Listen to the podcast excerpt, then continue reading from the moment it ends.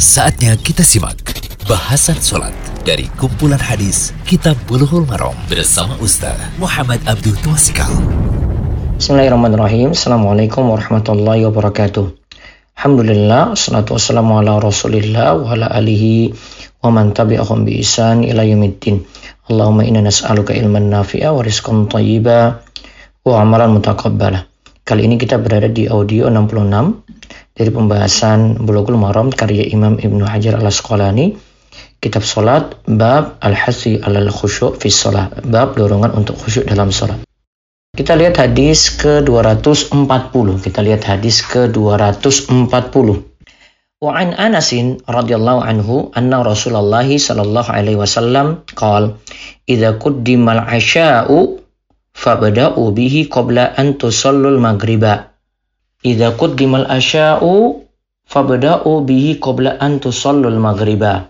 Muttafaqun alaih. Dari Anas radhiyallahu anhu, Rasulullah shallallahu alaihi wasallam bersabda, "Apabila makan malam telah dihidangkan, maka makanlah sebelum sholat maghrib." Sebelum melaksanakan sholat maghrib.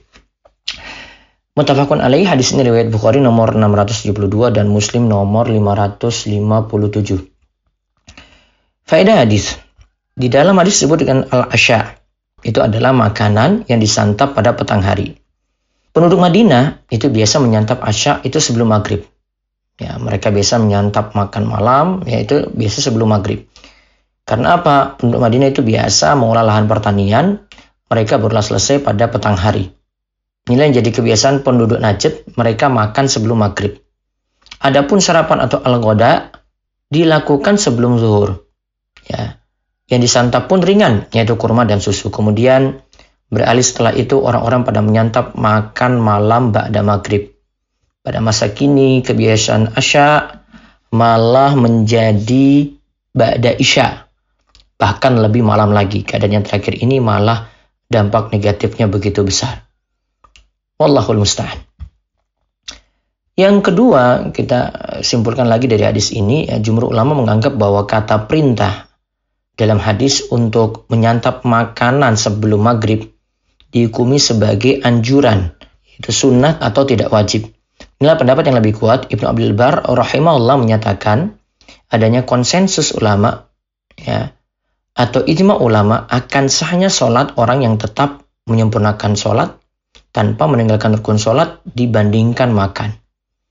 Jadi orang yang tetap menyempurnakan sholat uh, di sini tanpa meninggalkan rukun sholat ya dibandingkan makan. Jadi kalau dia dahulukan sholat, ya sholatnya itu sah. Artinya sekali lagi siapa saja yang mendahulukan sholat, sholatnya sah. Ya, mendahulukan sholat dibandingkan makan, sholatnya itu sah. Lafaz dalam hadis Aisyah adalah jika makan malam telah diletakkan. Ya, jika makan malam itu telah diletakkan. Idza udiyal asya'u wa uqimatis sholatu fabda'u bil asya'. Jika makan malam telah diletakkan, lantas iqamah dikumandangkan, maka dahulukanlah makan malam. Ya, di riwayat Bukhari nomor 671 dan Muslim nomor 560, lafaz hadis Aisyah ini umum. Ingat ya, ini umum. Lafaznya berlaku bukan hanya sholat maghrib saja.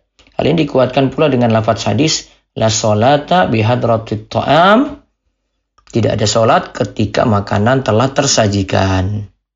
Lalu yang keempat, faedah yang keempat, hadis ini menunjukkan bahwa jika makanan telah dihidangkan ketika waktu sholat maghrib, menyantap makanan tersebut lebih didahulukan dibandingkan dengan sholat. Nah, bagi yang sedang menyantap, hendaklah menyantapnya sampai hajatnya selesai tanpa tergesa-gesa, gak usah terburu-buru. Hal ini dikarenakan sholat itu membangun hubungan antara kita dengan Allah. Sholat tidaklah sempurna sampai hati kita itu hadir dan selesai dari berbagai syawagil, pikiran-pikiran yang mengganggu, ya, pikiran yang mengganggu, kesibukan, pikiran yang mengganggu sholat kita. Gitu. Ini selesaikan dulu, baru kemudian kita sholat. Kemudian faedah yang kelima, mendahulukan makan dibandingkan sholat bertujuan untuk khusyuk dan menghadirkan hati dalam sholat. Yang keenam, masalah mendahulukan makan bukanlah berarti kita meremehkan perkara sholat atau mendahulukan hak manusia. Bahkan mendahulukan makan malah termasuk mengagungkan sholat hingga hati menerimanya. Yang ketujuh, hadis ini secara eksplisit, secara zahir menunjukkan bahwa mendahulukan makan di sini tidak dikaitkan apakah butuh makan ataukah tidak. Kan tapi para ulama menyatakan bahwa yang dimaksudkan dengan mendahulukan makan adalah ketika hati itu membutuhkan untuk makan dan benar-benar terkait dengannya. Sedangkan jika memang tidak ada hajat, seorang muslim sebaiknya tidak membiasakan untuk menjadikannya sebagai adat. Artinya terus-menerus kebiasaannya menyantap makan malam pada waktu sholat. Ya, menyantap makan malam pada waktu sholat. Ya, karena menyengaja sama saja dengan melalaikan sholat berjamaah. Ada catatan penting di sini ya. Jadi memang kita menyantap makan tadi benar-benar butuh, benar-benar lapar gitu. Sedangkan jika kita memang tidak membutuhkan makan, artinya ya masih bisa ditunda, maka tetap mendahulukan sholat. Terus faedah yang terakhir, hadis ini secara eksplisit, secara zahir, menunjukkan pula bahwa mengakhirkan sholat jika makanan telah tersaji walaupun akhirnya luput dari sholat berjamaah atau luput dari sholat pada awal waktu. Namun, ingat, namun catatannya lagi, jika waktu sholat terisa sedikit, sehingga kalau mendahulukan makan, malah kita mengerjakan sholat di luar waktu. Maka dalam kondisi ini tetap mendahulukan sholat dibandingkan makan, agar sholat tetap dikerjakan pada waktunya. Nah inilah pendapat jumhur atau mayoritas ulama. Wallahu a'lam bishawab. Demikian bahasan sholat dari kumpulan hadis Kitab Bulughul Maram bersama Ustaz Muhammad Abdul Tuasikal.